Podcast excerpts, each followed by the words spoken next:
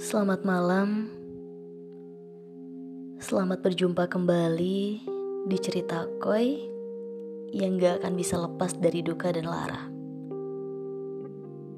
Sebab yang disuguhkan semesta sangat melekat erat dengan keduanya. Di podcast ini akan ada ribuan luka yang menganga sembari memanggil air mata atas segala yang dirasa.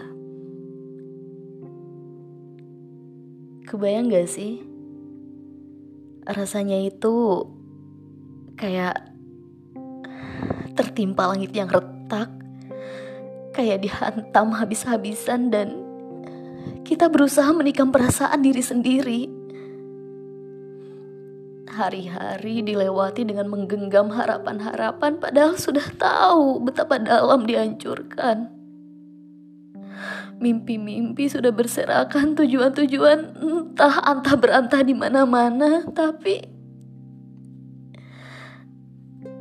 tapi hati gak bisa membenci.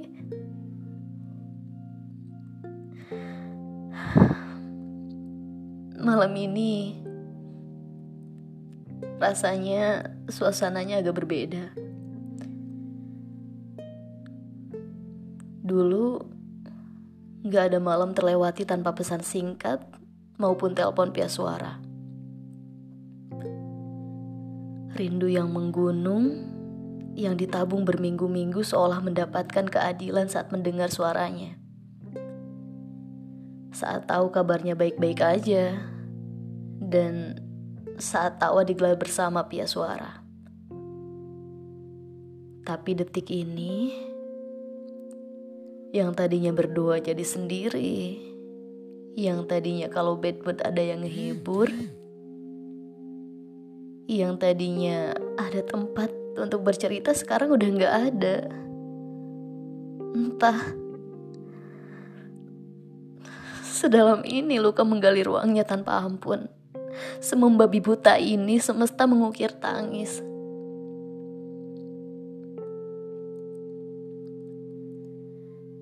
Air mata berhamburan di mana-mana. Padahal Padahal dulu udah sering patah hati tapi kenapa yang ini justru sakitnya sampai ke tulang. Sakitnya sampai ke jantung malah. Entah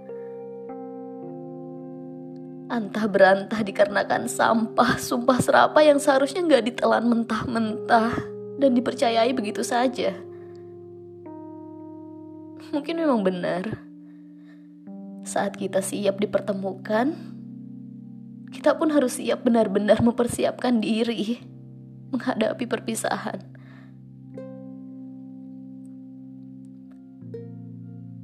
Apa yang dimiliki hari ini adalah sesuatu yang akan berpotensi sangat besar menghadirkan luka. Dia, kalian tahu, dia dulu serupa senja yang mampu menghangatkan mata saya saat melihatnya. Dia dulu serupa persinggahan yang saya tuju saat hujan deras tanpa ampun mengguyur seluruh tubuh. Bahkan, dia dulu menjelma rumah, tempat kembali saya dari segala keluh kesah. Tempat beristirahat dari segala penat.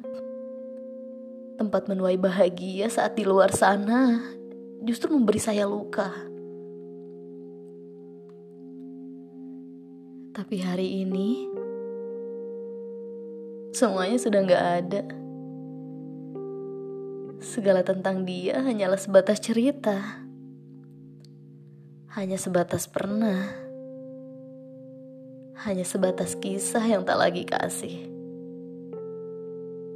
Mungkin um, saat ini dia nggak tahu betapa mati-matiannya saya berdiri dari luka yang hampir menyeret diri pada ruang hati yang mati. Mungkin saat ini dia nggak tahu betapa sunyi, sepi, Kehancuran melipat saya rata-rata dalam kesendirian. Dia gak bakalan tahu dan Mungkin dia gak mau tahu. Seberat ini sambutan semesta di malam hari. Hmm. Capek juga ya, berusaha bertahan sendiri. Lelah harus kembali menyembuhkan hati. Tapi mau gimana lagi? Kalau nggak disembuhin, lukanya justru semakin dalam. Dan satu hal yang saya titip buat dia. Semoga dia tumbuh menjadi laki-laki yang dewasa yang menyelesaikan masalah tanpa harus berpisah.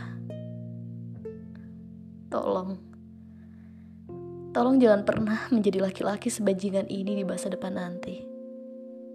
Ya.